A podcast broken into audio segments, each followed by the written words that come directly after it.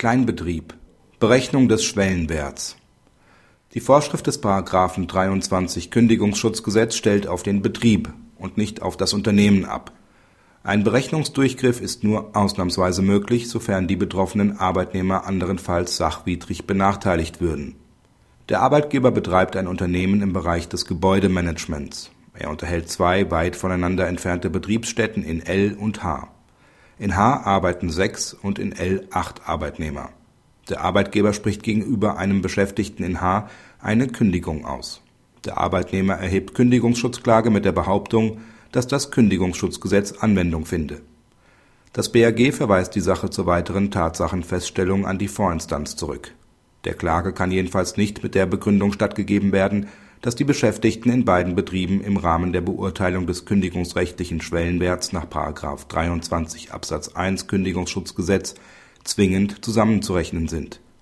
Eine solche Zusammenrechnung kommt nur ausnahmsweise in Betracht, sofern die vom Bundesverfassungsgericht aufgestellten Voraussetzungen für eine verfassungskonforme Einschränkung des Anwendungsbereichs der Norm vorliegen.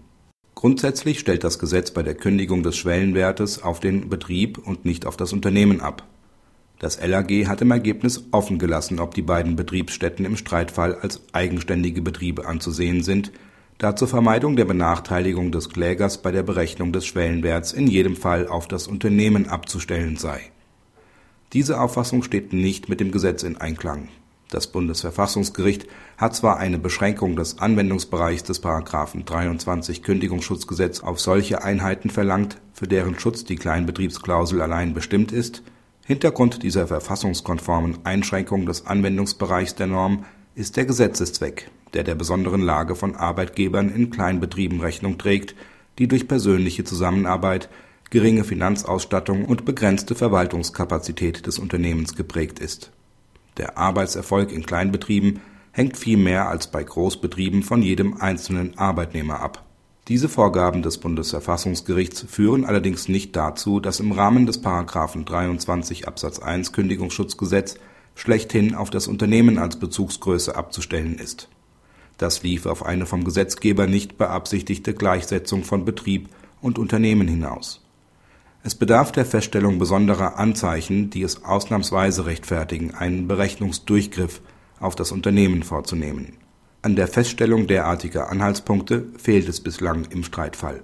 Ausblick mit seiner Entscheidung rückt das BAG die früheren Urteile des Bundesverfassungsgerichts zur verfassungskonformen Auslegung der Kleinbetriebsklausel ins rechte Licht.